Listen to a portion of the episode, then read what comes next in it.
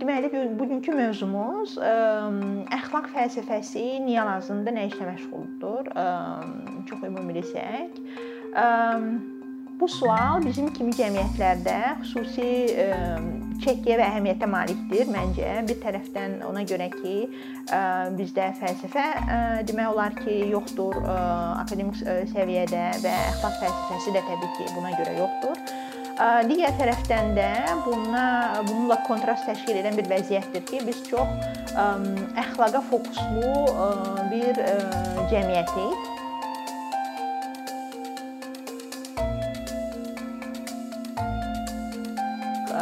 Bizdə kiməsə əxlaqsız desən, inciyər, hətta böyük qanqaraçılıq düşər.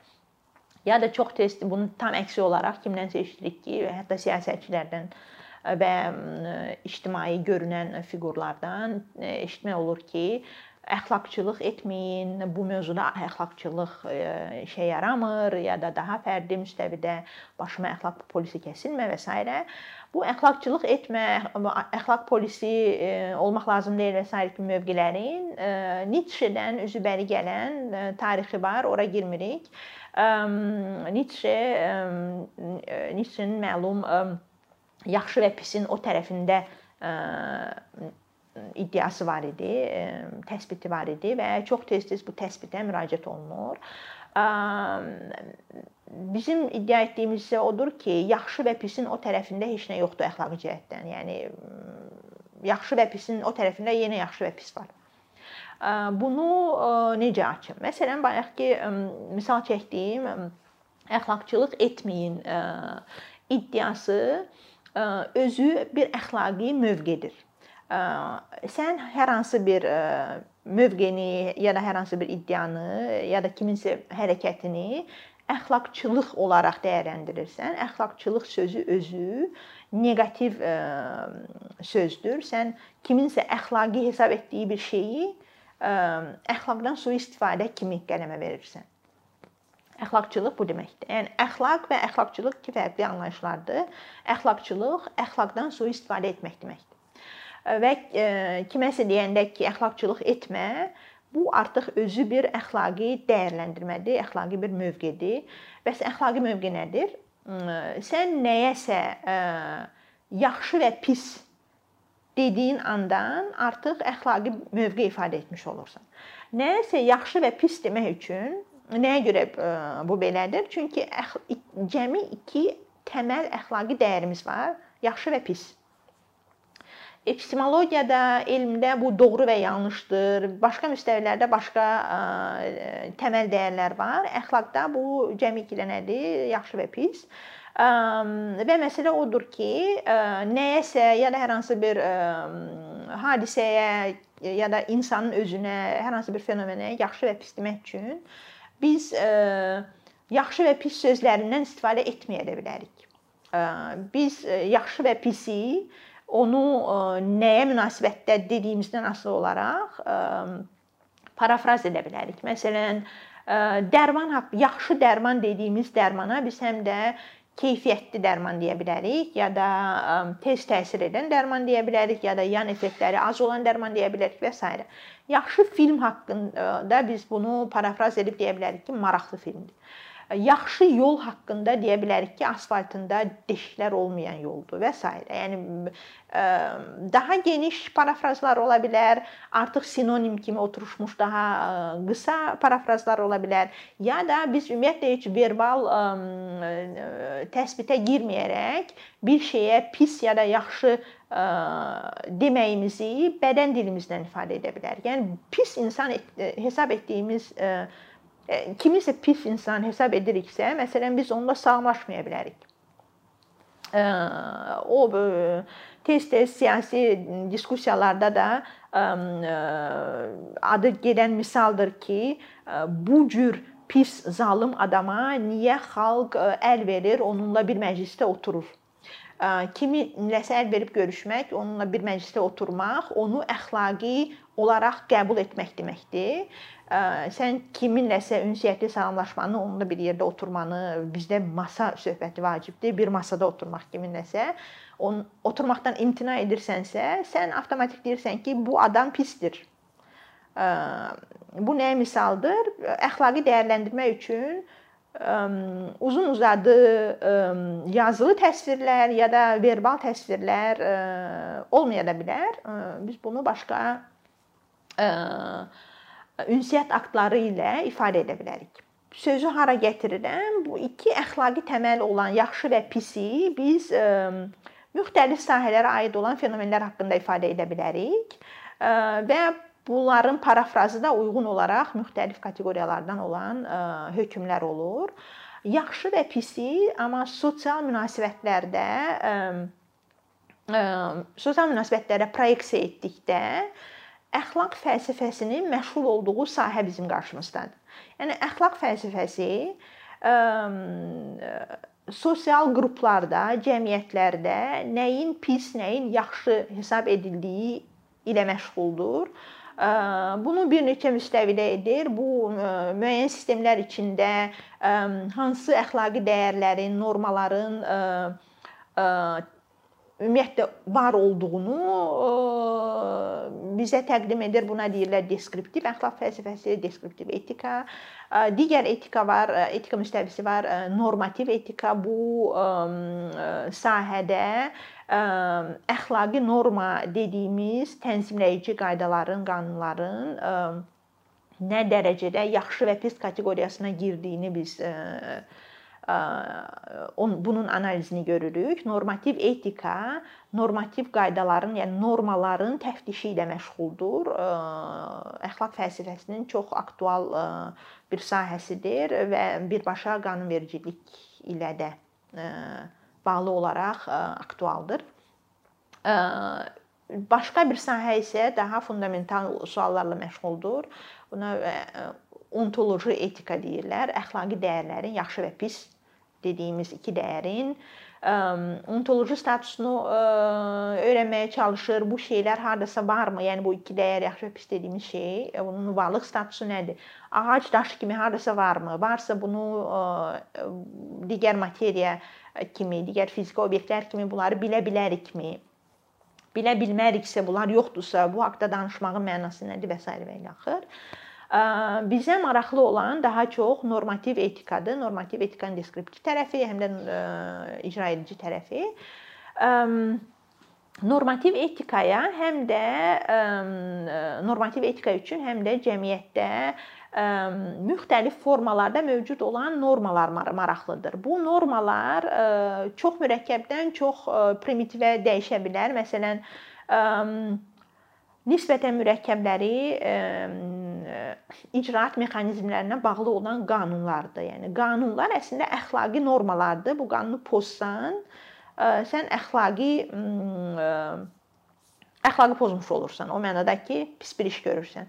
Və bu pis bir iş gördüyün üçün sənin üçün nəzərdə tutulan konkret cəzalar var və kimsə gəlib səni tutub apara bilər. Yəni bu sadəcə qan pis bir iş görmüşəm, mənim vicdanıma söhbəti deyil, konkret bunun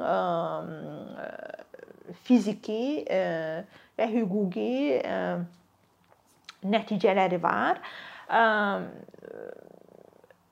Bundan qanunlardan tutmuş, hüquqi aktlardan, qanunlardan tutmuş deyilməyən qanunlar, yazılmayan qanunlar adlandırdığımız cəmiyyətdə olan gözləntilərə qədər fərqlidir normalar və əxlaq fəlsəfəsi bunların hamısını analiz obyekt olaraq görür və onları öyrənməyə çalışır. Belə əxlaq fəlsəfəsinin məşğul olduğu sahə əxlaq fəlsəfəsinin obyekti yaxşı və pis çox özünə məxsus bir fenomendir. Xüsusi statusu var.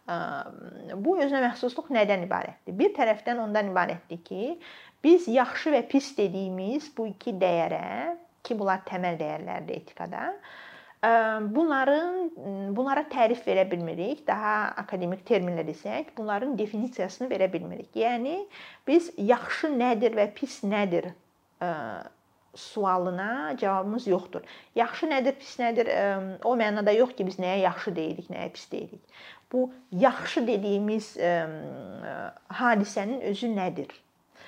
Buna hələ də əxlaq fəlsəfəsində bir definisiya yoxdur.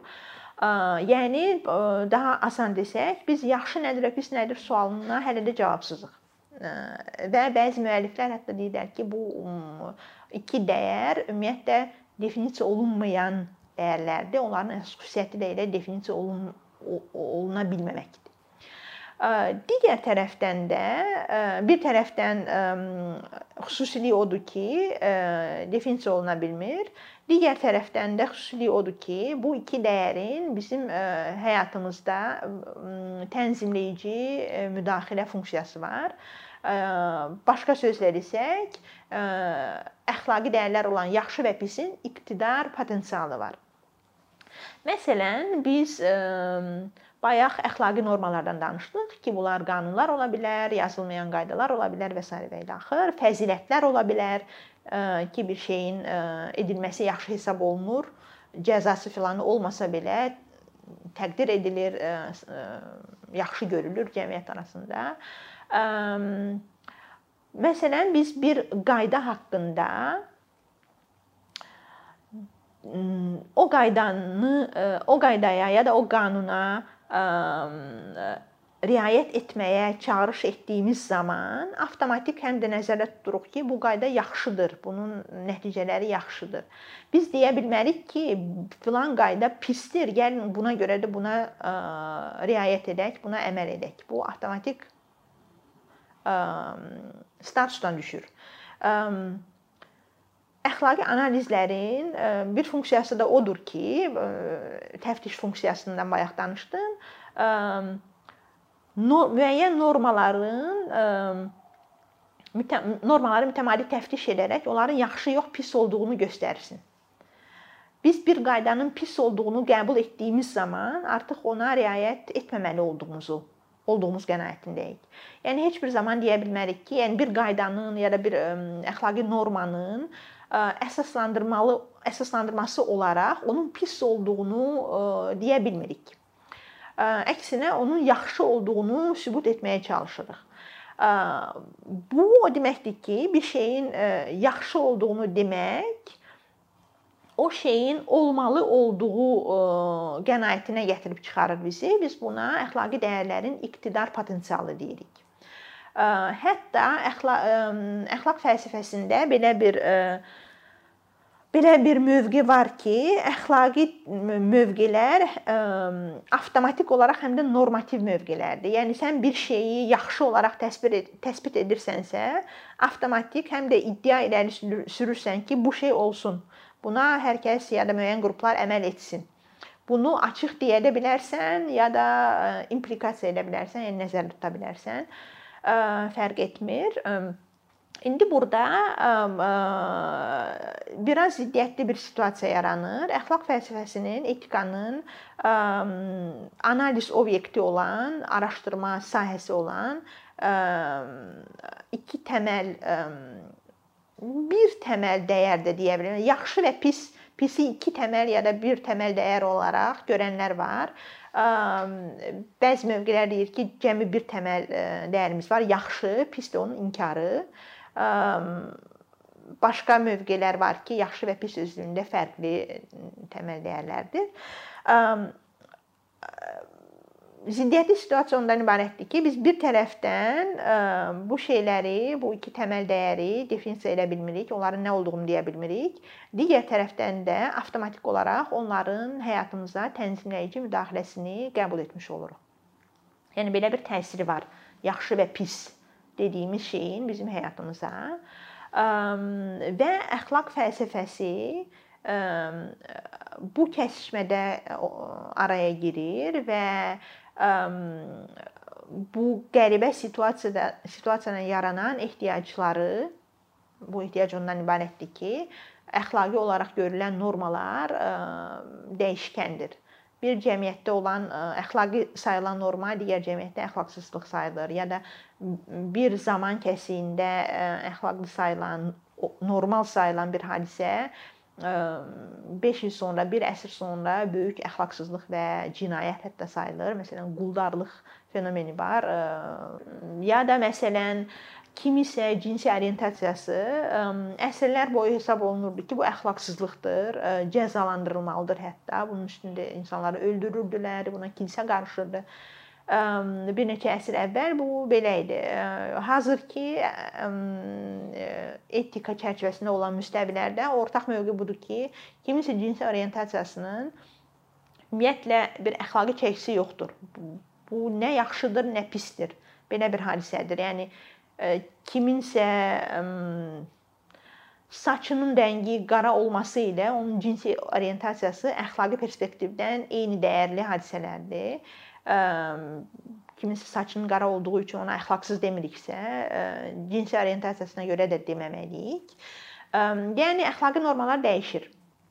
Və əxlaq fəlsəfəsinin rolu da bu müstəvidə ortaya çıxır biz əxlaqi norma sayılan hadisələri mütəmadi təftişə məruz qoyuruq. Bayaq dediyim ziddiyyətli situasiyadan bu irəli gəlir. Çünki yaxşı və pis nədir özlüyündə definisiya oluna bilmir. Biz yaxşı və pis hesab etdiyimiz şeyləri dəyişdirə bilirik. Bu mənada etika iki müstəvidə işləyir. Biri normativlərin təftişi, analiz edirik ki, məsələn, bu norma var, bütün cəmiyyət bunu yaxşı ya da pis olaraq qəbul edir. Gəlin baxaq, görək bu doğrudan da yaxşı və pisdirmi? Bunun yaxşı və pis e, olub olmadığını izah etməkdən əvvəl bunun nə olduğunu e, açmağa çalışır e, əxlaq fəlsəfəsi. Ondan sonra əxlaqi mövqe sərgiləmək istəyən tərəfə ya da subyektə onun öhdəsinə buraxır ki, sən indi bax bu hadisə bundan ibarətdir. Məsələn, kiminsə cinsi orientasiyası tamamilə fiziki bir hadisədir. Və saçın rəngi ilə, gözün rəngi ilə eyni statusa malikdir az qala. Sən saçın rənginə pis ya da yaxşı demirsənsə, estetikanı qoyuram kənara, əxlaqi cəhətdən. Niyə kiminsə cinsi orientasiyasına yaxşıdır, elə pisdir deyə bilərsən? Və Bu açıqlamalar, bu analizlər doğrudan da işə yarayır. Çünki insanlar görəndə ki, yaxşı və pis hesab etdiyi şeylər əslində nədir? Hansı digər hadisələrlə eyni kateqoriyaya daxildir? Onda onların fikri dəyişir. Dəyişməyənlər də var, amma əqli səlim dediyimiz kateqoriyada olan insanlarda bu ya da hər hansı bir ya da əxlaqi cəhətdən adekvat olan insanlar mövqelərini dəyişirlər. Əxlaqi cəhətdən adekvat məsələsini mən niyə ortaya gətirdim? Çünki əxlaq fəlsəfəsində həm də belə bir mövqe var ki, bizim 5 duyğu orqanımız olduğu kimi 6-cı bir əxlaqi duyğu orqanımız var. Harda olduğu bilinmir, amma moral sense deyirlər ona ingiliscə. Belə bir intuitiv bir əxlaq yaxşı və pisin nə olduğunu tutma qabiliyyətimizdən çıxış edirlər bu mövqenin təmsilçiləri. Ona görə əqli yəni tək ağıl bəs etmir, həm də bir əxlaqi yaxşı və pisə bir həssaslıq məsələsi var, bu söhbət var. Əxlaq fəlsəfəsi bir daha xülasə edək, yaxşı və pis hesab etdiyimiz iki təməl dəyərin nə olduğu, bu təməl dəyərləri proyeksiya edərək ortaya çıxan e, qayda və qanunları ki, bunlara normalar deyirik. Bunların e, analizi ilə məşğuldur. Müvafiq olaraq e, normativ etika var, fundamental etika, ontoloji etika deyirlər ona. Normativ etika bayaq da dediyimiz kimi müəyyən cəmiyyətdə qəbul olunan ən adi bizim gündəlik həyatımızda rast gəldiyimiz norm əxlaqi normaları təftiş edir, analiz edir. Cəmiyyətdən cəmiyyətə onlar arasında olan fərqi izah etməyə çalışır. Komparativ etikalarda istiqamət budur. Daha fundamental suallarla məşğul olan etik istiqamətlər var. Buna ontoloji etika misaldır. Yaxşı və pisin ontoloji statusunu araşdırır ya da araşdırmağa çalışır ki, yaxşı və pis dediyimiz bu iki dəyər ümumiyyətlə varmı? Varmı o mənada ki, məsələn, materiya kimi varmı? Divar, daş, ağac və s. bizim 5 duyğu orqanımızla bizə əl çatan olan varlıq kimi yaxşı və pis də varmı? varsa onu necə bilə bilərik? O biri varlıq hadisələri ki, məsələn materiya. Onun haqqında bilik əldə etmək yollarımız, metodlarımız həm də əxlaqi bilik əldə etmək metodlarımızla eyni ola bilərmi? Əgər yaxşı və pis varlıq statusundan məhrumdursa, bu hardasa yoxdursa, onda bizim onun haqqında biliyimiz necə mümkün ola bilər və s. və ilə. Yəni daha fundamental suallardır. Fundamental etikaya biz girmirik. Bizə maraqlı olan daha çox normativ etikadır və normativ etikanın bizim kimi cəmiyyətlərdə bizim kimi cəmiyyətlərdə nə faydası ola bilər? Bizim kimi cəmiyyət deyəndə bir tərəfdən əxlaqa çox fokuslu bir cəmiyyət nəzərdə tuturam. Digər tərəfdən də bu əxlaq fokuslu cəmiyyətdə bu əxlaqi normaların analizinin yox dərəcəsində olmasını nəzərdə tuturam. Bunun bir səbəbi də bəlkə bilavasitə deyil, ümumiyyətlə bizim araşdırma və analiz ilə məşğul olan institutlarımızın tamamilə sıradan çıxmış vəziyyətdə olmasıdır. Nə fəlsəfə var, nə akademik formada, nə fərdi formada ciddi analizlər yoxdur ortada və fəlsəfə yoxdur, müvafiq olaraq təbii ki, əxlaq fəlsəfəsi də yoxdur. Digər tərəfdən də həyatımıza çox tənzimləyici, çox nəzarət edici, müdaxilədə olan əxlaqi normalar var və bu normaları normaların analizi ortada görünmür. Əxlaq fəlsəfəsi bu müstəvidə çox faydalı ola bilər ki, bizim yaxşı və pis olaraq qəbul etdiyimiz, təqdim etdiyimiz, uşaqlarımıza yaydığımız, çıxış nöqtəsi kimi götürdüyümüz bu normalar, buna bura milli mentalitet elementləri də daxildir. Bura bizim qanun mətnlərimizdə olan qəribə iddialar da da bu çox problemli iddialar var qanun mətnlərində ki, əxlaqi nöqteyi nəzərdən problemli iddialardır. Ciddi analiz lazımdır ki, yaxşı və pisin nə olmasının ciddi analizi lazımdır ki, bütün bu şeyləri təftiş edə bilək. Bir də başa qayıtsaq, əxlaqçılıq əxlaqçılıq etmək lazım deyil iddiasının problemli olması məsələsi ilə başlamışdıq və demişdik ki, əxlaqçılığı inkar etməyin özü bir əxlaqi mövqedir. Biz ümumiyyətlə necə yaşamaq lazımdır sualını inkar etmiriksə, avtomatik hər hansı bir əxlaqi mövqedə durmuş oluruq. Yəni yaxşı və pisin o tərəfində ə, sosial varlıq olaraq insan üçün bir reallıq yoxdur. Ə, sən yaxşı və pisin o tərəfinə keçəndə yenə yaxşı və pis pisə ə, düşürsən. Yəni ə, Nietzsche-nin ənənəsindən gələn yaxşı və pisi rədd etmək iddiası özü də mövcud yaxşı və pis hesab olunan normaları rədd etmək istəyi idi ki, yenə də əxlaqi bir mövqedir. Yəni bu normaları pis hesab etdiyi üçün onları rədd etmək istəyir. Bu onun e, mövcud e, normalara pis deməyin başqa bir yolu idi. Yəni bayaq haqqında danışdığımız parafraz alternativlərdən biri idi. Belə.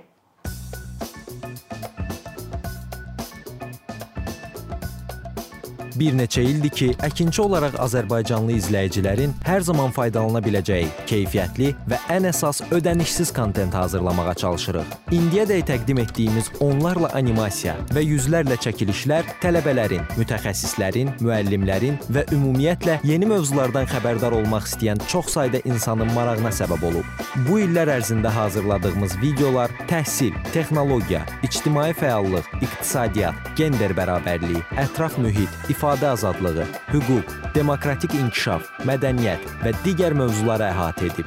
Məqsədimiz çoxlu baxış gətirən deyil, çoxlu fayda gətirən videolar hazırlamaqdır. Amma bu düşündüyümüz qədər asan deyilmiş. Gördüyümüz iş kifayət qədər resurs, əmək və təbii ki, davamlılıq tələb edir. Bu səbəbdən Patreon platformasından istifadəyə başladıq. Əkinçinin Patreon hesabının populyarlaşmasına çox böyük ümidlərimiz və gözləntilərimiz var. Bəziləriniz Patreon haqqında ilk dəfə eşidirsiniz. Əslində çox sadə izahı olan bir platformadır. Təsəvvür edin ki, siz rəssam və ya musiqiçisiniz. Sosial şəbəkələrdə sizi izləyən, işinizi bəyənən çox sayda insan var. Patreon platforması sizə imkan verir ki, izləyicilərinizin könüllü aylıq ödənişləri sayəsində işinizi davam etdirəsiniz. Sərgi, konsert zallarından asılı qalmayasınız. Amma bu təkcə rəssam və musiqiçilərə aid deyil. Məsələn, əkinçiyə bənzər fəaliyyətlə məşğul olan bəzi layihələrin 10 minlərlə patronu var. Biz də düşündük ki, nə üçün əkinçinin Patreon hesabı olmasın? Sizin dəstəyiniz sayəsində biz daha çox və daha keyfiyyətli kontent yaratmağa davam edə biləcəyik. Amma bu dəstək yalnız maddi dəstək deyil. Dəstəkçilərimizin sayının artması gördüyümüz işlərin faydalı olduğuna dair əminlik verir. Patreon platformasından istifadə çox sadədir. Hesabınızı açırsınız, sizə uyğun dəstək növünü seçirsiniz və Patreon özü hər ayın ilk günü kartınızdan seçdiyiniz dəstək növünə uyğun ödəniş tutur. Bu qədər. Sonda onu demək istəyirik ki, dəstəkçilərin sırasına qoşulmaq istəyən, amma məhdud imkana görə bunu edə bilməyənlər narahat olmasın. Daha öncə dediyimiz kimi, bizim əsas məqsədimiz daha çox insanın hər zaman faydalana biləcəyi keyfiyyətli və ödənişsiz kontentin yaradılmasıdır. Bunun üçün mütləq patronumuz patronumuz olmalısınız deyə məcburiyyət yoxdur. Amma imkanınız patron olmağa çatırsa və bizim işimizi bəyənirsinizsə, patronlarımızın sırasına qoşulmağınız bizim üçün çox önəmlidir.